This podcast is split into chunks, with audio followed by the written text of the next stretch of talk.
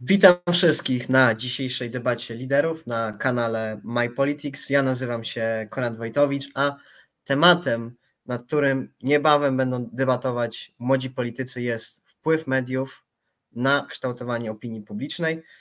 Wśród nas jest pan e, Witmaniewski e, z Młodych Demokratów.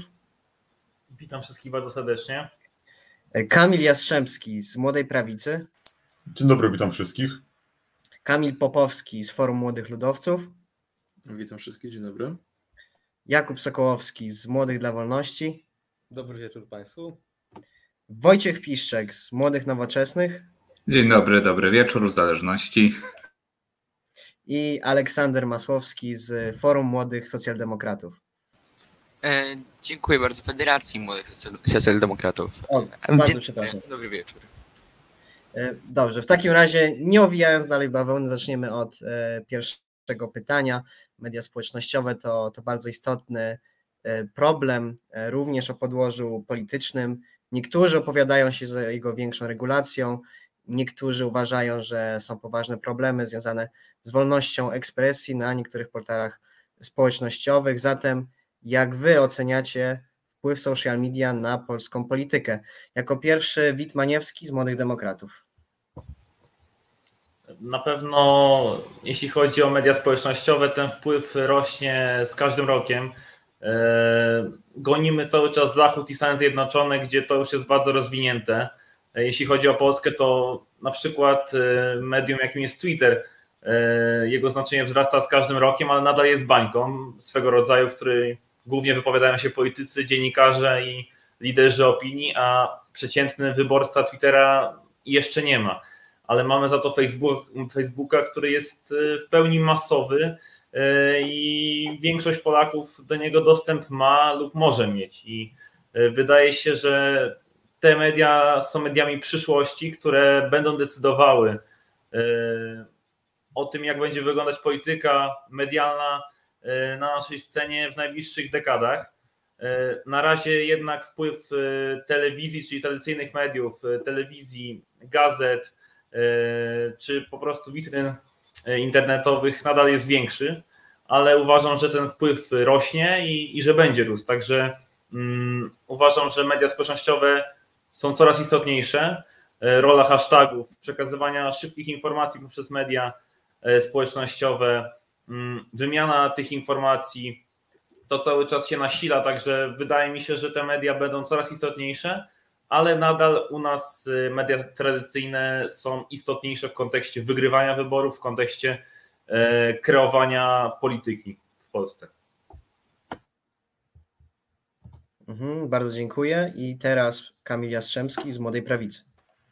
E, tak, e, jeżeli chodzi o generalną ocenę wpływu mediów społecznościowych na polską politykę, oceniam mimo wszystko raczej pozytywnie. E, na, na początku trzeba sobie powiedzieć na, o jeszcze jednej rzeczy, mianowicie, że istnieje pewne, pewne przejście czy pewien proces ewolucji pomiędzy tak zwanymi mediami pierwszej generacji a mediami obecnej generacji. Media pierwszej generacji były jednokierunkowe, czyli wyborca był wyłącznie bierny, czy odbiorca, wyborca w każdym razie adresat danego komunikatu. On był bierny, nie mógł nic zrobić z tym, co dostał w pewnym sensie pod nos, prawda? Dostał informację i już nie miał szans na nią zareagować. W tym momencie natomiast media społecznościowe przełamały tę barierę i spowodowały, że wyborca już nie jest bierny, wyborca jest czynny. Co więcej, e, w tym momencie nawet dochodzi do czegoś takiego, że mam do czynienia nawet nie tyle z odbiorcą komunikatu, co z prosumentem, a więc ten, kto komunikat odbiera, jednocześnie może go nadawać w drugą stronę. Więc media przełamały barierę, przełamały w pewnym sensie taką, e, taką rzecz, takie zjawisko nazywane kiedyś gatekeeperami, a więc ludźmi, którzy filtrowali pewne informacje i dopuszczali do tego, czy nie dopuszczali do tego pewne informacje inne, niepożądane, zostały przekazane gdzieś dalej. To jest pierwsza sprawa. A druga sprawa, jeżeli chodzi o wolność słowa czy ograniczenia w social mediach.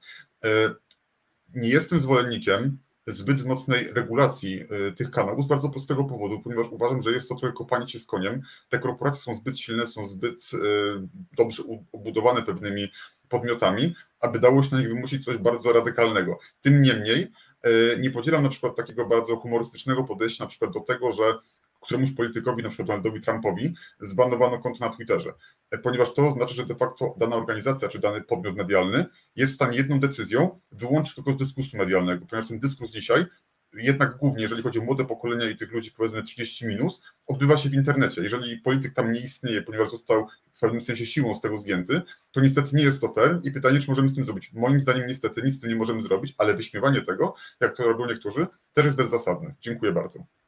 Dziękuję bardzo i teraz Kamil Popowski z Forum Młodych Ludowców.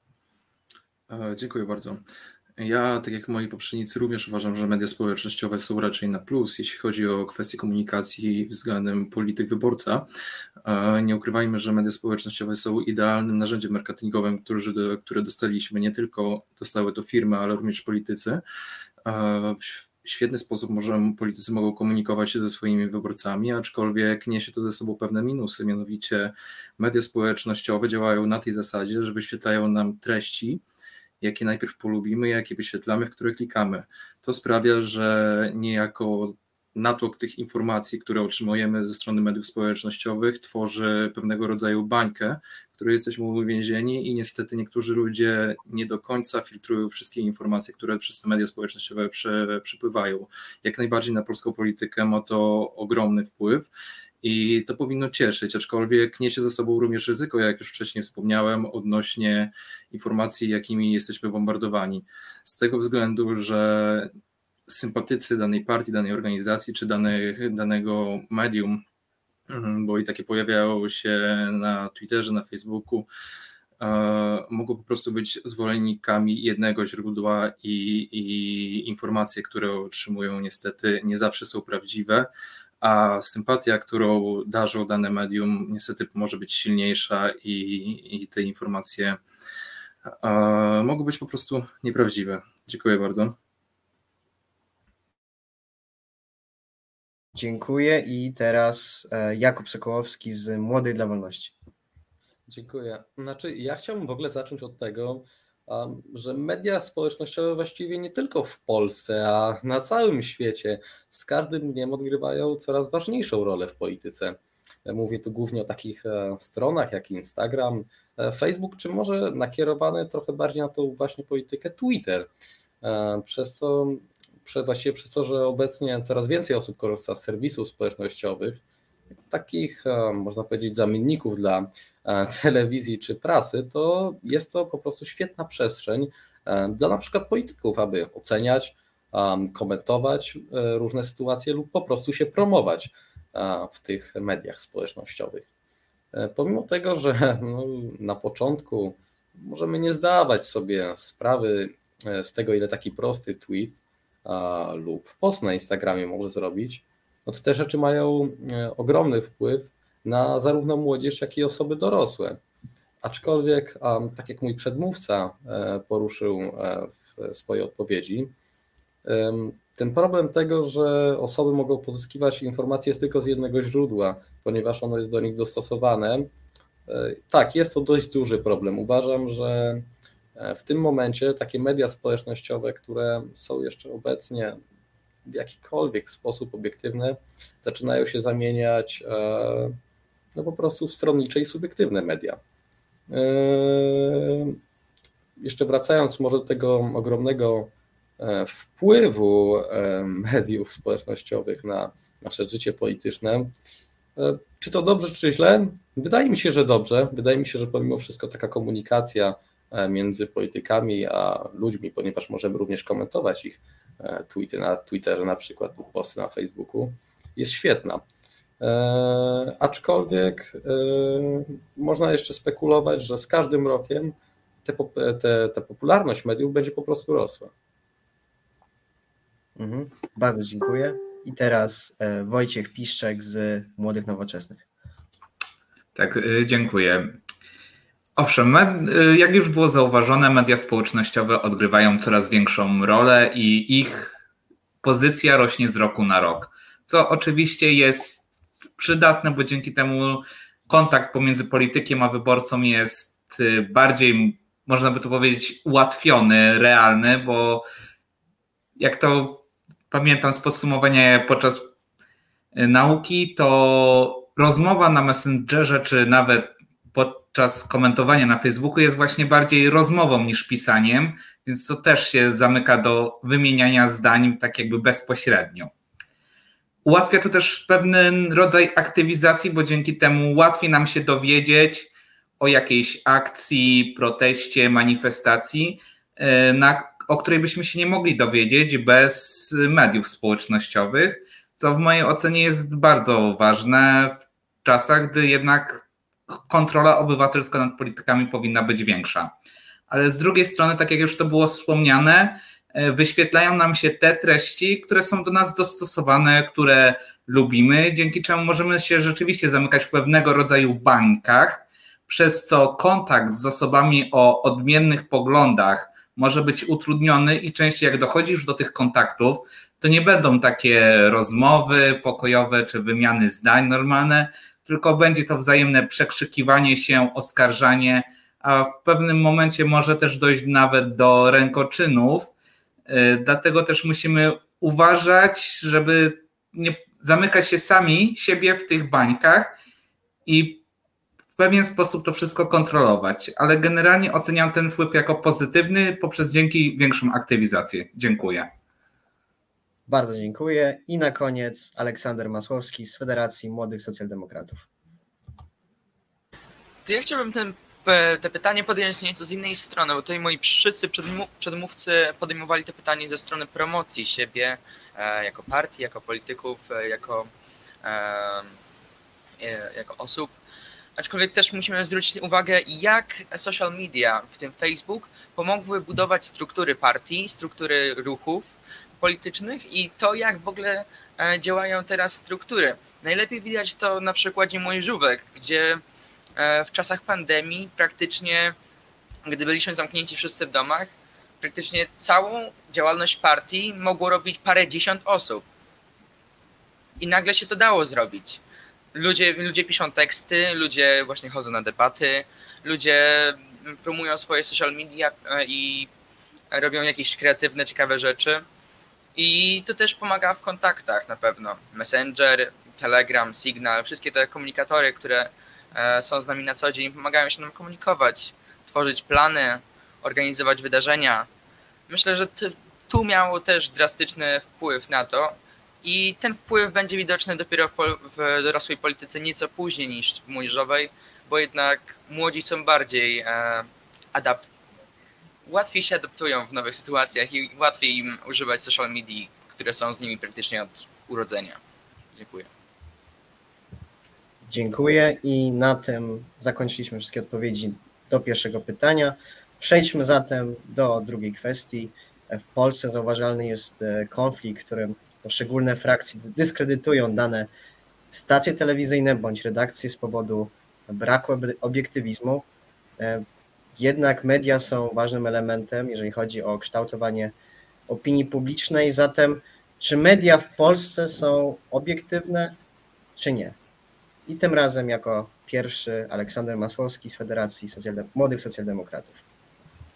E, dziękuję bardzo. Media nigdy nie będą i nigdy nie były obiektywne.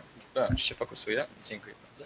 E, ponieważ zawsze za mediami stoi jakiś kapitał czy to będzie kapitał. Tutaj u nas oczywiście rządzi duopol w Polsce, czyli mamy rząd, rządy e, kapitału e, Discovery i rządy kapitału e, naszego rządu Prawa i Sprawiedliwości, który dotuje naszą kochaną telewizję polską.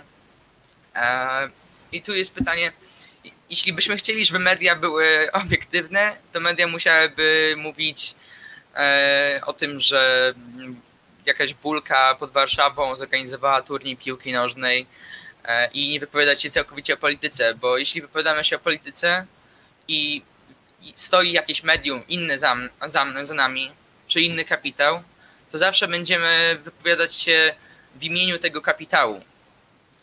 Możliwością jest też, żebyśmy mieli tylko jedną państwową telewizję. Wtedy nie będzie innych stacji, które będą mogły powtarzać, że e, że ta druga stacja jest nieobiektywna. Więc ten, jest to sytuacja na razie bez wyjścia, aczkolwiek y, mamy polaryzację z dwóch stron. Mamy prawicową i mamy liberalną polaryzację. W mediach niestety nie widać e, w ogóle lewicy. Dlaczego? Bo lewica jest e, w ogóle nieakceptowalna przez liberalne media, czy właśnie media telewizji polskiej powiedzmy naj, najszybszy przykład. E, w poprzedni weekend mieliśmy kongres lewicy. Oczywiście TVP Info nic o tym nie powiedziało. Wolało powiedzieć o konwencji Prawa i Sprawiedliwości na temat rolnictwa, o nowym ładzie dla rolników. Również TVN powiedział chyba tylko wieczorem, w wieczornym wydaniu TVN24, więc mamy tą polaryzację dwustronną i niestety lewicowe. Lewica ma ten Lewica ma duży problem z promocją e, swoich mediów wśród e, poza, poza swoją bańką. Dziękuję. Dziękuję bardzo i e, dwie osoby zgłosiły adwocem. Jako pierwszy Kamil Popowski. Bardzo proszę. Dziękuję Ci bardzo. E, ja oczywiście, Aleksandry, w niektórych kwestiach się z Tobą zgadzam, w niektórych troszkę mniej, natomiast e, chciałem poruszyć to, co powiedziałeś o kapitale, który stoi za mediami.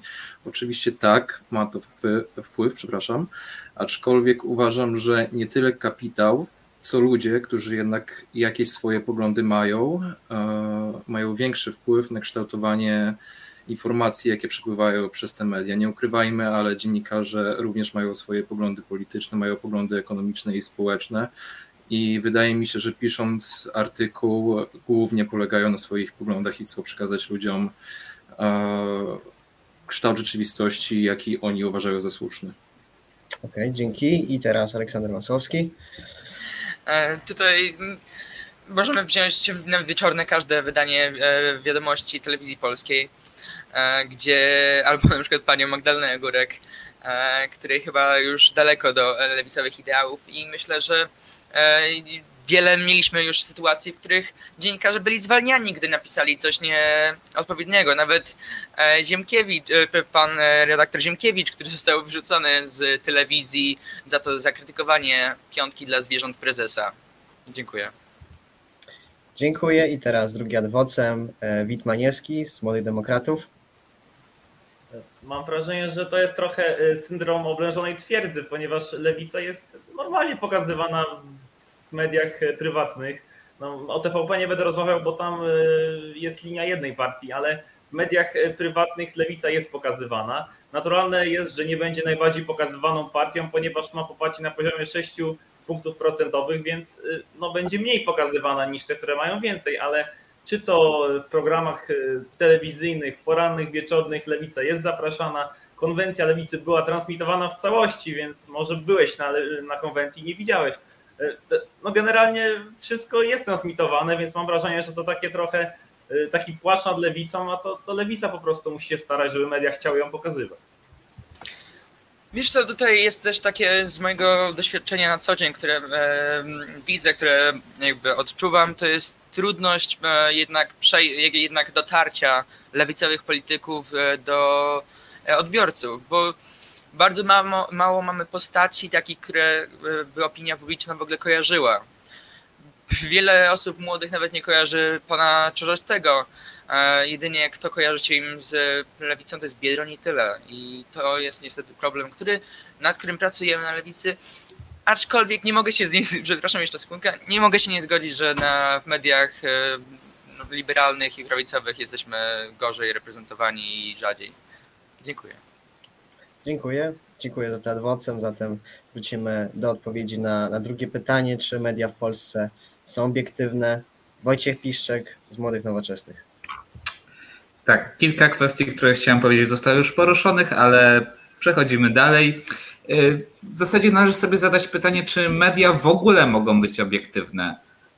Tak jak to zostało zauważone, raczej nie, bo dziennikarze mają swoje poglądy, ale jeżeli mówimy o mediach prywatnych, to właściciel y, tych agencji też ma swoje poglądy. Jeżeli coś mu się y, nie podoba, to może po prostu takiego dziennikarza zwolnić. I to też jest jedna z istotnych kwestii, które E, warto poruszyć i zauważyć, że każda osoba ma poglądy, tak? No jak się wyśle, nie wiem, dziennikarza sportowego, który jest fanem Realu na mecz e, Barcelony, to raczej obiektywny w przekazie informacji nie będzie. I to też jest właśnie istotne, żeby to zauważyć. Jeżeli media będą w jakiś sposób zadeklarowane, że nie wiem, że te sprzyjają tej partii, a te drugiej, to myślę, że to nie powinno wzbudzać jakichś większych problemów. Oczywiście, że jeżeli mówimy o prywatnych, bo w Stanach to doskonale widać. E, Fox News jest republikańskie, CNN e, demokratyczne i to jakoś się kręci. tylko że pojawia się ten problem, że media, niezależnie jakie by były, również zaczynają przyjmować trochę retorykę z mediów społecznościowych, gdzie to się zaczyna trochę bardziej radykalizować i dostosowują swój przekaz do odbiorców, stawiając gdzieś obiektywizm na drugim czy trzecim miejscu, ale nie bycie obiektywnym nie zwalnia z e, podstawowej rzetelności, żeby nie manipulować faktami, tak jak to ma miejsce w przypadku TVP, gdzie mamy dosyć często informacje przekłamane lub mocno zmanipulowane, jak to było widać na przykład na panu Donaldzie Tusku. Dziękuję. Dziękuję bardzo i teraz Jakub Sokołowski z Młodych dla Wolności. Um, tak, no i tutaj ponownie, jak powiedział mój przedmówca, czy gdziekolwiek media są obiektywne. A mi się wydaje, że jednak nie, no bo zarówno prasa, telewizja, czy też serwisy społecznościowe w większości nie są obiektywne. Pomimo, że tym ostatnim e, do tego e, jest najbliżej, to nie zmienia to faktu, że nadal każdy tweet, e, post na Instagramie czy Facebooku jest po prostu stronniczy. Innym świetnym przykładem braku obiektywizmu w polskich mediach jest na przykład telewizja publiczna, znaczy telewizja, idąc właściwie, już powiedziałem o tej telewizji, telewizji publicznej, idąc od telewizji publicznej, która popiera każde działanie koalicji rządowej i ukazuje ich jako naszych panów zbawicieli, do takich stacji jak na przykład TVN, która, który mm, generalnie krytykuje każdą akcję polskiej prawicy, nieważne czy jest dobra czy zła, i przedstawia polską prawicę jako faszystów i nazistów, co jest zakłamaniem oczywiście. Wydaje mi się, tak powiedział kolega z forum, przepraszam, Federacji Młodych Socjaldemokratów, to kiedy on mówił, że lewica w ogóle nie jest pokazywana na przykład w takich stacjach jak TVN, to ja tak samo mam z Konfederacją. Mi się wydaje, że Konfederacja jest zupełnie pomijana w takich stacjach jak TVN i właściwie czasami informacje podawane o niej są po prostu fałszywe. Wracając do tego braku obiektywizmu w mediach, no to takie zjawisko możemy zaobserwować głównie w telewizji. No ale ono ma, te, ono ma również miejsce, może nie na taką samą skalę, aczkolwiek e, również w prasie e, i w innych środowiskach masowego przekazu, e, w, in, w innych formach masowego przekazu, znaczy się. Wydaje mi się, że niestety, ale faktem jest, że tego obiektywizmu w polskich mediach bardzo po prostu brakuje. Dziękuję. Dziękuję bardzo. I Kamil Popowski z Forum Młodych Ludowców. Ja osobiście jestem niesamowicie poruszony, jak możemy być zgodni w niektórych kwestiach. Natomiast jeśli chodzi o odpowiedź na pytanie, to tak jak wspomniałem wcześniej, media nie mogą być obiektywne z tego względu, że za każdymi mediami stoją ludzie, którzy mają swoje poglądy. Więc kreując te informacje, starają się przekazać nam daną sytuację w taki sposób, w jaki widzą ją oni. Krótka odpowiedź. Dziękuję bardzo. Mhm, dzięki. I teraz Kamil Jastrzębski z Młodej Prawicy. No to nie spodziewałem się aż takiej zgodności. E, jakby jestem w takim pozytywnym sensie zaskoczony e, tym, że wszyscy, może nie wszyscy, ale większość e, osób uważa tutaj, że media nie mogą być obiektywne z natury, ponieważ ktoś za tymi mediami stoi, ktoś te media kreuje, ktoś nimi zarządza i też kapitał musi tutaj wejść w grę, jeżeli chodzi o założenie, czy w ogóle funkcjonowanie takiego podmiotu medialnego. Natomiast trzeba jeszcze powiedzieć o jednej bardzo ważnej rzeczy. W Wielkiej Brytanii za pośrednictwem BBC udało się dojść do poziomu może nie obiektywizmu takiego w sensie filozoficznym i, do, i takim idealnym, ale w miarę przyzwoitym. To znaczy oddzielono dwie rzeczy. Oddzielono dziennikarstwo informacyjne od dziennikarstwa opiniotwórczego. Tam na przykład dziennikarz BBC, który pracuje i prezentuje pewne wiadomości, ma z góry powiedziane, że ma podać czystą informację, bez własnej opinii, czy bez nawet sugerowania swojego zdania na ten temat. A ewentualna opinia, czy ewentualne stanowisko może być wyrażone na przykład przez niego w mediach społecznościowych, o których już mówiliśmy, może być wyrażone w felietonie w prasie, więc to w miarę działa. Nie jest to idealny model, ale działa. Przy czym on był oczywiście tworzony przez setki lat jeszcze z czasów y, brytyjskiej prasy, zanim pojawiły się media znane nam obecnie. Natomiast w mediach w Polsce powiem w ten sposób, jeżeli chodzi o eksponowanie poszczególnych opcji politycznych, uważam, że też nie jest bardzo źle. To znaczy, e, to, że pewne media nie sympatyzują na przykład z Konfederacją, czy nie sympatyzują z lewicą, nie oznacza, że e, wizerunek tych partii cierpi w sensie zagłuszenia, czy w ogóle e, nieinformowania o nich. Oczywiście ten wizerunek cierpi, jeżeli chodzi o kreowanie opinii na ich temat i ja się z tym zgadzam, że rzeczywiście tutaj Konfederacja w pewnych kwestiach jest no, jakby nieproporcjonalnie krytykowana do tego, jak zasługuje na, na tego typu y, opinie. Natomiast jeżeli chodzi o efekt taki, że ktoś jest w ogóle nie pokazywany, ktoś jest wspomniany wprost, to w Polsce tego nie ma, ponieważ jeżeli kogoś nie pokaże TVP, to pokaże TVN albo Polsat, albo jakiekolwiek inne medium, a przecież mamy jeszcze cały zestaw mediów niekoniecznie telewizyjnych, tak? Mamy y, prasę, mamy internet, mamy media społecznościowe, więc uważam, że pod tym względem w Polsce nie jest aż tak źle, jak zwykło się uważać. Dziękuję bardzo. Dziękuję. I na koniec e, Witmaniewski z Młodych Demokratów.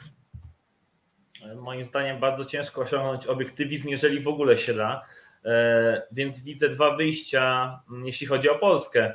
Już po przejęciu władzy od PiSu, e, jednym wyjściem jest e, stworzenie mediów jak najbardziej obiektywnych. Właśnie tak jak mój przedmówca mówił, między innymi w Wielkiej Brytanii, gdzie medium to miałoby przekazywać suche informacje i to wyborca czy osoba, która po prostu otrzymuje te informacje, musi sama zanalizować i zdecydować, e, co o tym sądzi.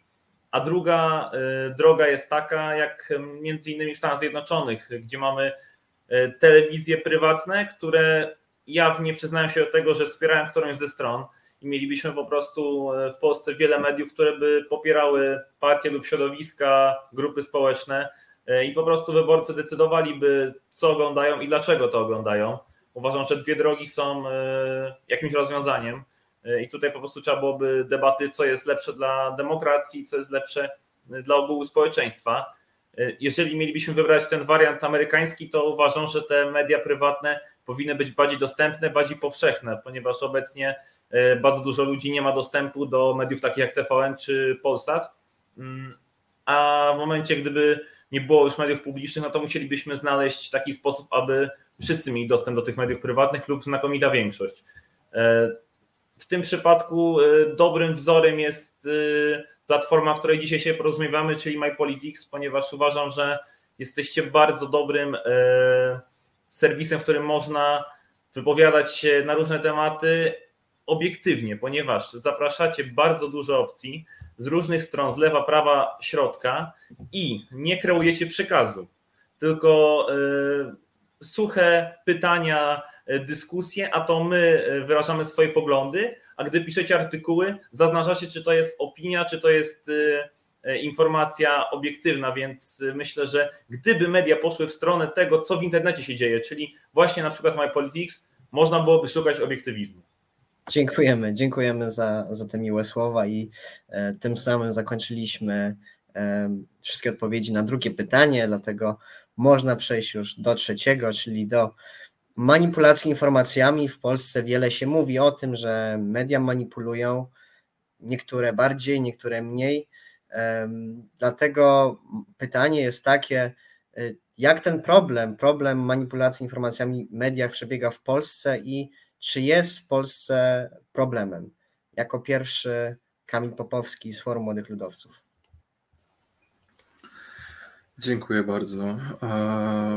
Wydaje mi się, że to pytanie jest bardzo mocno związane z poprzednim. Jeśli chodzi o manipulację, według mnie nie należy wrzucać wszystkich mediów do jednego worka. Tak jak wspomniałeś, jedne manipulują bardziej, drugie manipulują mniej. Co prawda, telewizja państwowa jest na tyle e, sterowana przez partię rządzącą, że ich wolność wypowiedzi, wolność słowa i wolność kreowania informacji kończy się tam, gdzie to zarządzi prezes Nowogrodzkiej. Aczkolwiek, e, jeśli chodzi o inne media, wydaje mi się, że ta manipulacja u nich występuje. Aczkolwiek, czy jest dużym problemem? Tutaj nie powiedziałbym może, że to jest problem, e, tylko pewne przekazanie informacji, które następnie odbiorca tej informacji musiałby sam przefiltrować. Jak najbardziej zdarza się, że media manipulują odbiorcą, co oczywiście nie jest na miejscu, bo kreuje to obraz państwa, obraz świata, który jest przedstawiany, można powiedzieć, w krzywym zwierciadle. Aczkolwiek e, wydaje mi się, że w Polsce jeszcze nie mamy tak dużego problemu z manipulacją, aby stawiać na piedestale walkę z tym, aby to zlikwidować. Dziękuję bardzo. Mhm, dziękuję. I druga osoba, Aleksander Masłowski z Federacji Młodych Socjaldemokratów. Według mnie jednak to jest problem. Jest to duży problem. E, humorystycznie mogę dodać, że w, we wczorajszym albo przedwczorajszym wydaniu wiadomości po raz dziewiętnasty padły słynne słowa e, Donalda Tuska für Deutschland, e, czyli dochodzimy do czasów, w których ustaliliśmy już, że media nie mogą być obiektywne, ale dochodzimy do, do czasów, kiedy informacja jest tak przetworzona, że odpalając dwa różne kanały nie wiemy, e, nie wiemy o czym tak, tak, tak naprawdę mówią ludzie. Mamy świetny przykład Polexitu, e, wyroku e, Trybunału pani Przyłębskiej. W jednych mediach mówią coś innego, w jednych mówią coś innego. W TVP od razu wyszły informacje, że przecież inne kraje, niektóre Unii Europejskiej również uznały wyższość prawa narodowego nad e, ustawą, nad e, prawem Unii Europejskiej. E, I przez to mamy całkowitą dezinformację. E, Ludzie nie umieją filtrować informacji, mamy masę fake newsów, e, oczywiście latających po social mediach, e, denializm szczepionkowy, wszystko na jednej tacy mamy podane i to w mediach, które są dotowane na grube miliardy. A my mamy remake'i wypowiedzi Tuska codziennie.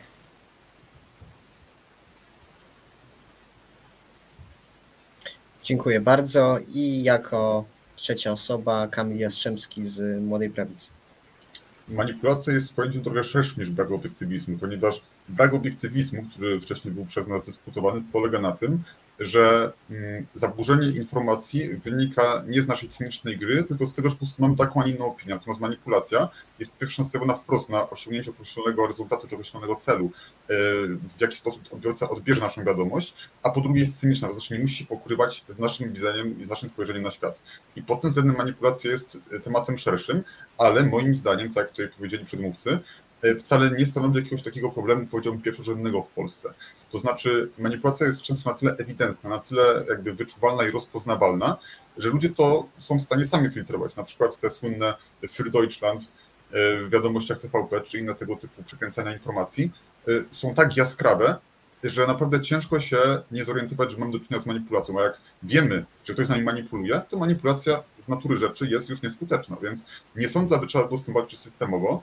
Y, Bardziej szedłbym w kierunku tego, aby ludzi uwrażliwiać czy uczulać na tego typu treści, aby oni sami potrafili y, filtrować, y, filtrować przekaz i wtedy to pójdzie samo. Moim zdaniem nie ma potrzeby stosowania jakichś szerszych rozwiązań.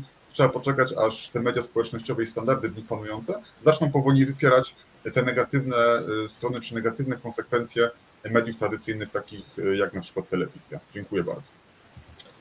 Dziękuję. Teraz Wojciech Piszczek z Młodych Nowoczesnych. W mojej ocenie, jeśli nawet manipulacja byłaby jakimś zjawiskiem marginalnym, to dalej stanowiłaby poważny problem, bo już historia pokazała, e, jak, do czego może doprowadzić, że ludźmi łatwo jest manipulować i co łatwo może doprowadzić do katastrofalnych skutkach konsekwencji.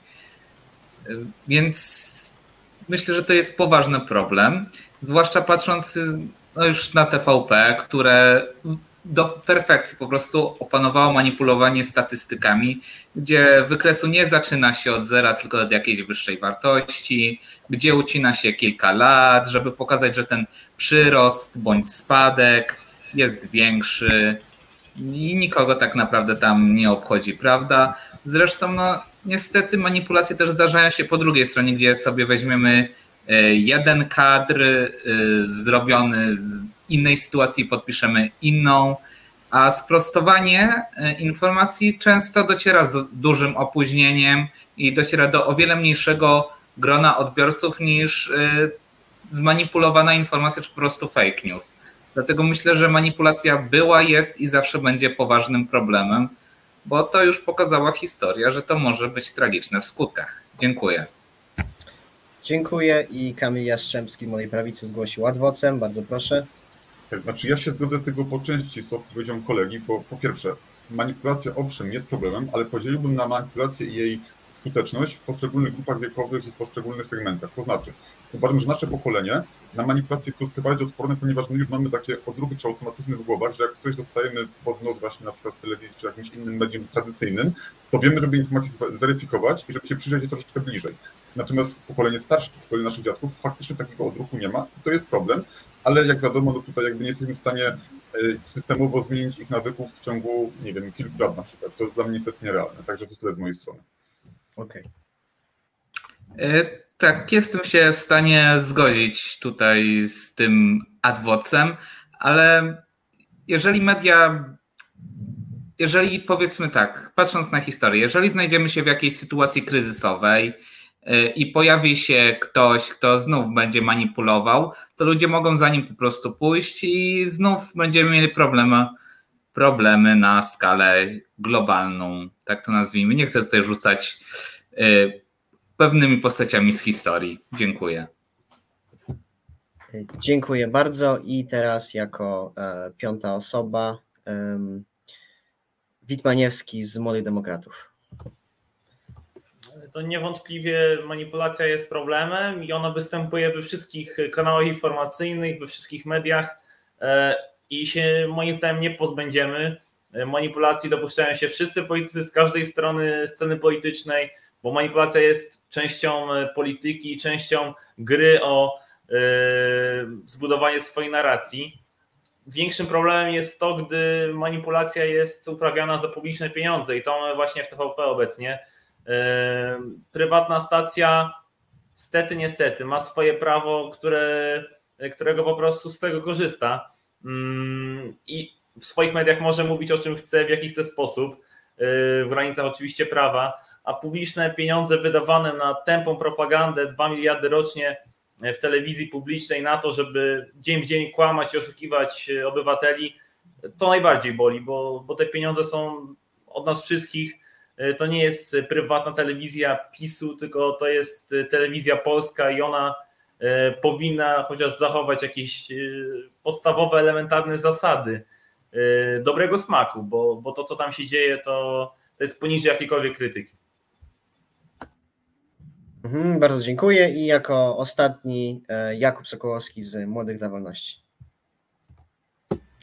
Um, tak, dziękuję. Znaczy, ja generalnie uważam, tak jak część moich przedmówców, że e, manipulacja informacjami w polskich mediach jest niestety, ale poważnym problemem. I choć takie zjawisko e, możemy zaobserwować generalnie na całym świecie, to wydaje mi się, że akurat w naszym państwie jest ono szczególnie nasilone. Właściwie obecnie nasze pojęcie o świecie i postrzeganie go przez nas jest uzależnione od telewizji, jaką oglądamy. No. E, I tutaj posłużę się ponownie przykładem telewizji publicznej, którą oglądając możemy żyć w przekonaniu o tym, że państwo radzi sobie świetnie, inflacja spada, Polacy wzbogacą się na nowym ładzie. Natomiast oglądając inne stacje możemy mieć już zupełne e, przeciwieństwo tego, co jest mówione w telewizji publicznej. Uważam, iż obecnie nie można powiedzieć, że istnieje stacja telewizyjna lub gazeta, która choć trochę nie jest stronnicza e, lub choć trochę nie stara się zmieniać informacji na korzyść danych środowisk politycznych. Ta manipulacja informacjami przez media w Polsce jest, ona, ona jest ogromna. I co osobiście uważam za najgorsze, bardzo duża część społeczeństwa jest na nią po prostu podatna. Dziękuję. Dziękuję. To była ostatnia odpowiedź na, na trzecie pytanie. Dlatego teraz już przechodzimy do ostatniego pytania, niejako podsumowującego całą naszą debatę, jako że porozmawialiśmy o obiektywizmie w mediach. Niejako większość osób tutaj zgodziła się, że media z natury nie mogą być obiektywne. Teraz porozmawialiśmy o manipulacji w mediach. Zatem ostatnie pytanie, czy ogólnie rzecz biorąc, media w Polsce jako całość uczciwie kształtują opinię publiczną. I jako pierwszy Jakub Sokołowski z Młodej Dowolności. Um, tak, no ja naprawdę chciałbym, naprawdę bardzo bym chciał, aby tak było. Chciałbym, aby media e, w Polsce były obiektywne, rzetelne i uczciwe wobec społeczeństwa. To by było naprawdę piękne, żylibyśmy w takim idealnym świecie, w takiej utopii można by nawet stwierdzić. Natomiast czy tak jest? No, smutno mi to stwierdzić, ale no niestety nie. Niestety tak nie jest i w większości te media w Polsce, cokolwiek by nie mówić, są dosłownym przeciwieństwem tych przymiotników, których e, użyłem na początku mojej wypowiedzi. E, tak jak, e, tak jak w moich poprzednich wypowiedziach, muszę to podkreślić ponownie. Media w Polsce są stronnicze, są subiektywne i manipulują informacjami na korzyść różnych środowisk. Obecnie możemy to zaobserwować głównie w telewizji, natomiast w prasie takie samo zjawisko też jest obecne, tylko na zupełnie inną skalę. No i tak kilka słów podsumowania. Wydaje mi się, że no, bez problemu można stwierdzić, że środki masowego przekazu w naszym państwie nie są wiarygodne, a na pewno nie kształtują one opinii publicznej w sposób uczciwy e, wobec polskich obywateli. Dziękuję. Dziękuję. I teraz Witmaniewski z Młodych Demokratów no, media w Polsce nie kształtują e, w uczciwy sposób opinii, e, więc e, no, to myślę, że nie ulega żadnej wątpliwości. Ja chciałbym tutaj podkreślić, że po PiSie będziemy mieli bardzo duże wyzwanie, jak sobie z tym poradzić, z tym, co się wydarzyło przez ostatnie 6 lat w TVP. Mm, żaden rząd w trzeciej RP nie posunął się do tak głębokiej propagandy, jaką serwuje nam Prawo i Sprawiedliwość. Ostatnia taka propaganda występowała e, jeszcze za poprzedniego systemu, więc e, czeka nas bardzo dużo pracy, jak naprawić media, czy zostawić je w takim kształcie, jakim są, czy poszukać czegoś nowego, więc e, dostrzegam bardzo wiele wyzwań w tym temacie i też widzę, że mm, nie będzie to proste, ponieważ to już jest zakorzenione, że ktoś, kto przychodzi po kimś, nie do końca jest w stanie naprawić w pełni te błędy, tylko je przejmuje i, i to jest duży problem. Także zobaczymy, na ile będziemy w stanie to, to naprawić e, po PiSie. Dziękuję i Aleksander Masłowski z Federacji Młodych Demokrat, e, Socjaldemokratów zgłosił adwocem. Bardzo proszę. O, przepraszam, jesteś wyciszony. Jeszcze raz spróbuj. Dziękuję. E, tutaj mój przedmówca powiedział o E, mediach z, po, z poprzedniej władzy. E, ja jednak jestem zdania, że dziennik telewizyjny o wiele mniej szczuł na e, inne osoby i o wiele, mniej, o wiele był bardziej ciekawym dziennikiem niż dzisiejsze wiadomości telewizji polskiej. I pokazywał życie prostych ludzi, pokazywał życie w zakładach pracy. I oczywiście tuszował różne rzeczy, oczywiście nie pokazywał wszystkiego, ale ale jednak był według mnie fajniejszy niż aktualnie sytuacja telewizji polskiej. No ja na pewno nie użyję słowa fajny w kontekście telewizji komunistycznej. E, wiele osób twierdzi, że faktycznie była ona e, mniej propagandowa niż obecna TVP. Ja osobiście nie, nie podejmę się takiej oceny, ponieważ nie miałem okazji tego na co dzień oglądać, więc e, nie jestem w stanie tego stwierdzić, ale no na pewno nie będę uważał, że, że była fajna, bo, bo wiem jak było w Polsce i, i wiem jaki to był dramat y, y, dla wielu ludzi to co się działo y, z zarządów Polskiej Zjednoczonej Partii Robotniczej, także na pewno pisowska telewizja równa się temu co było lub jest jeszcze gorsza, nie podejmę się oceny czy, czy wtedy było lepiej. Dziękuję. I kolejny adwocem, Jakub Sokołowski z Młodych dla Wolności. Tak, jak chciałem tylko uszczególnić coś, ja zgłosiłem adwocę do, do adwoce kolegi Aleksandra Masłowskiego z Federacji Młodych Socjaldemokratów. Ja mam tylko krótkie pytanie. Jak pan może sądzić, znaczy jak ty Aleksandrze możesz sądzić, że właściwie telewizja rządowa z czasów komunistycznych, z czasów, w których ludzie byli łapani przez służbę bezpieczeństwa, torturowani, w czasach, w których był stan wojenny, w czasach, w których e, ludziom żyło się o wiele gorzej niż dzisiaj, e, może być lepsza od telewizji publicznej. Obydwu nie lubię, aczkolwiek e, no, nie rozumiem Twojego stanowiska w tym momencie. Mówimy tu o rządzie i mówimy tu o mediach. Media oglądałem aktualnie wszystkie dostępne archiwalne e, wydania dziennika telewizyjnego, e, które są dostępne na, YouTubie i mogę stwierdzić, że rozgraniczmy dwie rzeczy. Rozgraniczmy reżim komunistyczny i rozgraniczmy e, media w czasach komunizmu, które pokazywały życie takie, jakie było i tutaj jednak e, jednak mamy inną kwestię, że nie wrzucajmy wszystkiego, wszystkiego, co było za komuny, do wielkiego wora. Była propaganda, była manipulacja, ale jak mówimy, to zawsze będzie, bo ta władza propagowała ustrój, który aktualnie panował. Aczkolwiek, no, tyle. Dziękuję, dziękuję Mogę się bardzo. do tego odnieść? Y, A, nie, niestety, przepraszam, ale nie można złożyć adwocem do adwocem, y, czy follow-up do follow-up. Dobrze, wracając w takim razie do ostatniego pytania, czy media ogólnie rzecz biorąc uczciwie kształtują opinię publiczną? Y, Aleksander Masłowski, Federacja Młodych Socjaldemokratów. E, Tutaj z, trochę myślę, że po, powtarzamy się, ale spróbuję to jakoś podsumować e, cały temat. E, Możemy wziąć nawet pod uwagę e, zestawienie gości e, wieczornych wydań wiadomości e, z czasów SLD, z czasów właśnie e, PO, PSL i z dzisiejszych czasów, e, z tego i poprzedniego roku na przykład, kiedy możemy zobaczyć, że większość gości wiadomości to są księża, politycy PiS albo e, zaprzyjaźnieni z innych bliskich im opcji politycznych. E, ten pluralizm, który, pru, pluralizm który, którego powinny bronić media, został zawalony, ponieważ zaczyna się faworyzować jedną opcję polityczną w telewizji publicznej, w telewizji, na którą wszyscy składamy swoje podatki, na którą e, Skarb Państwa łoży pieniądze. I to nie powinno być. E, możemy mówić, że E, Możemy mówić też o TVN-ie, że stoi za nim kapitał i faworyzuje inną opcję polityczną, aczkolwiek nie płacimy za TVN, ale płacimy za telewizję polską, która dostarcza e, propagandę partyjną i e, ta e, propaganda e, tylko utrudnia Polakom odbieranie tego, co się dzieje w kraju.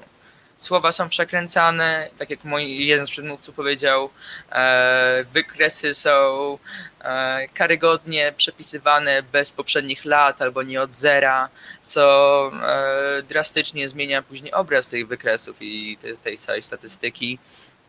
E, no i to, o czym powiedziałem na początku, czyli szczucie na siebie z każdej strony. Nie możemy. No, polaryzacja Polaków w tym momencie jest tak wielka, że ludzie bo, boją się siebie nawzajem na ulicy, bo nie wiadomo kto z jakiej opcji politycznej jest. A to nie powinno być tak nigdy w żadnym kraju. Dziękuję. I teraz Kamil Jastrzębski, Młoda Prawica. Moim zdaniem, jeżeli tak podsumujemy wszystkie argumenty, które tutaj padły, to jednak dojść do wniosku, że media w Polsce nie do końca uczciwie kształtują opinię publiczną. Oczywiście uczciwość w tym zakresie to nie jest jakby stan zero-jedynkowy, że to jest 100% uczciwe albo nie jest wcale. Wydaje mi się, że w Polsce jest oczywiście lepiej niż w krajach tak zwanego byłego bloku komunistycznego, czy państw, które doświadczyły reżimów totalitarnych, reżimów, które też no, odzwierciedlały się w mediach, y, ale do standardów europejskich jest nam jeszcze niestety bardzo, ale to bardzo daleko. Y, Nie zgodzę się też z tym, co powiedział kolega z FMS-u, bo tutaj już muszę o tym wspomnieć, że istnieje jakaś taka, powiedziałbym, jednoznaczna analogia pomiędzy tym, co robi teraz TVP, a tym, co robiła telewizja w czasach komunistycznych. No, jednak różnica jest taka, że tamten reżim wyrządzał realne szkody realnym ludziom, w cudzysłowie oczywiście mówię tak, już skracając swoją myśl, czy skracając swój pogląd, i był elementarnym, integralnym elementem tego reżimu, tak? Czyli współpracował z pewnymi e, odpowiednimi osobami, oczywiście TVP również. Przy czym, e, jakby no jeszcze przynajmniej do tej pory, ani PiS, ani rząd nie posunął się do tego, co robiła władza komunistyczna. I też trzeba mówić, czy chodzi nam o okres bardziej zaraz po wojnie, czy o e, okresu schyłku komunizmu. W każdym razie tego typu porównania, e, jakkolwiek to zabrzmi już troszeczkę dziwnie, jak tutaj właśnie kolega powiedział, ale one polaryzują i powodują, że część ludzi, którzy mogliby na przykład powiedzieć, że ok, TVP mm, uprawia propagandę, podaje informacje zmanipulowane, nierzetelne, słysząc takie porównanie, jednak e, stwierdzi, że no nie, no, może jednak ta, telewizja publiczna jest lepsza, e, skoro ktoś tutaj jakby podjął się aż takiej dziwnej analogii. Więc na gruncie retorycznym unikałbym tego typu porównań, tego typu analogii, ponieważ one po pierwsze historycznie mogą być bardzo łatwo obalone, e, a po drugie nie osiągają swojego celu. Jeżeli celem jest to, aby ucywilizować polską debatę publiczną i ucywilizować też funkcjonowanie mediów publicznych, to nie ucywilizujemy ich w ten sposób. Dziękuję bardzo. Dziękuję. Wojciech Piszczek, Młodzi Nowocześni. O, przepraszam, przepraszam. Jeszcze na koniec tutaj Aleksander Masłowski złożył adwocem. Bardzo proszę. Jesteś wyciszony? O, dobra. Eee, Mówisz, że dzisiejsza władza nie robi realnych szkód e, e, w Polsce, nie krzywdzi ludzi. No, E, Mamy przykład ludzi jako czujących na granicy. Mamy przykład dramatu kobiet. Mamy przykłady róż- różne inne, ale też musimy pamiętać, że władza Rzeczpospolitej Ludowej też wkładała, ogrom, e, też miała ogromny wkład w odbudowę Polski i narodu polskiego, w, promo, w, promowanie polskiej kultury i budowę narodu polskiego. I nie możemy o tym zapominać, bo to jest bardzo ważne. I nie był to całkowicie straszny reżim, który katował Polaków. Dziękuję. Jak rozumiem, adwocem teraz już mogę przejść do swojego, e, do swojej kwestii. No Tak, tak. e, oczywiście według mojego stanu wiedzy, a zakładam, że ten stan wiedzy jest dosyć aktualny, e, władza w trzeciej RP, żadna władza, czy władza pisowska, czy władza jakiejkolwiek innej partii, nikogo nie zamordowała. Przykład księdza Jerzego Popiełuszki pokazuje, że skala krzywd, takich realnych ludzkich krzywd, które e, wyrządziła władza komunistyczna, jest zupełnie inna niż to, co się dzieje w trzeciej RP pod rządami którejkolwiek z partii. Więc naprawdę tego typu porównania są bardzo, ale to bardzo na miejscu. Mhm, bardzo dziękuję. I teraz Wojciech Piszczek, Młodzi Nowocześni, odpowiedzi na ostatnie pytanie. Oczywiście, że media nie kształtują uczciwie e, debaty czy opinii publicznej. To właśnie już było zauważone na przykładzie osób, które są e, gościu wiadomości. Tak, w zdecydowanej większości to są e, osoby związane z opcją rządzącą, czy po prostu etatowi ek- eksperci czy publicyści we wszelkich programach publicystycznych TVP Info, którzy prezentują linię rządu ale też należy zwrócić y, uwagę na. Tak, i teraz wyleciało mi myśl z głowy. Y, O, właśnie przypomniało mi się. Uwagę na fakt, że przed wyborami prezydenckimi w głównym programie informacyjnym w telewizji publicznej mieliśmy de facto pięciominutowy spot wyborczy. Czy to jest w jakiś sposób kształtowanie opinii publicznej? W mojej ocenie nie ani uczciwe, ani rzetelne, ani nie mające związku z jakąkolwiek przyzwoitością dziennikarską. Natomiast od czasu do czasu, owszem, zdarza mi się obejrzeć TVN akurat i ich fakty. I co mnie tam najbardziej boli, to to, że często jakiemuś jednemu wydarzeniu jest poświęcona, nie wiem, połowa y, wiadomości z tego programu, przez co tak naprawdę inne wiadomości, które są ważne, są de facto przemilczone. Owszem, jedna wiadomość jako wiadomość dnia jest ważna, żeby od razu poświęcać temu połowę wydania, nie sądzę. Dziękuję. Dziękuję. I adwocem zgłosił Witmaniewski, Młodzi Demokraci. Ten e, spot Andrzeja Dudy to jest kreowanie opinii publicznej, tylko że kłamliwe i propagandowe i w tym jest najlepsza TVP.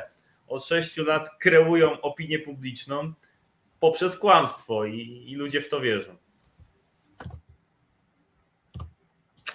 No tak, w tym aspekcie nie ma co dyskutować, aczkolwiek pytanie było o to, czy kreują uczciwie, więc z pewnością uczciwie nie kreują. Korea Północna nie powstydziłaby się pracowników TVP. Dziękuję bardzo. I teraz jako ostatni e, Kamil, Kamil Popowski, e, Forum Młodych Ludowców. Ja oczywiście w mniejszym lub większym stopniu zgadzam się ze swoimi poprzednikami. Wydaje mi się, że w głównym nurcie myślowym jednak mamy ten sam pogląd i uważamy, że e, media nie kreują w odpowiedni sposób opinii publicznej. Przytoczę tutaj pewną statystykę. Po tym jak Orlen Obajtka przejął większość prasy lokalnej, wskaźnik wolności prasy w Polsce spadł bodajże na 64 miejsce, co pokazuje skalę problemów, z jaką aktualnie się borykamy. Dziękuję bardzo. Dziękuję bardzo i tym samym zakończyliśmy naszą debatę, debatę młodych liderów. E, Gościliśmy u nas e, Wita Maniewskiego z Młodych Demokratów, Dziękuję bardzo za zaproszenie. Kamila Jastrzębskiego z Młodej Prawicy, Dziękuję bardzo, kłaniam się. Kamila Popowskiego z Forum Młodych Ludowców, Dziękuję bardzo. e, Wojciecha Piszczka z Młodych Nowoczesnych, Dziękuję, do widzenia. Jakuba Sokołowskiego z Młodych dla Wolności Dziękuję bardzo i życzę miłego wieczoru. i Aleksandra Masłowskiego z Federacji Młodych Socjaldemokratów. Dziękuję, życzę dobrej nocy. Dziękuję bardzo.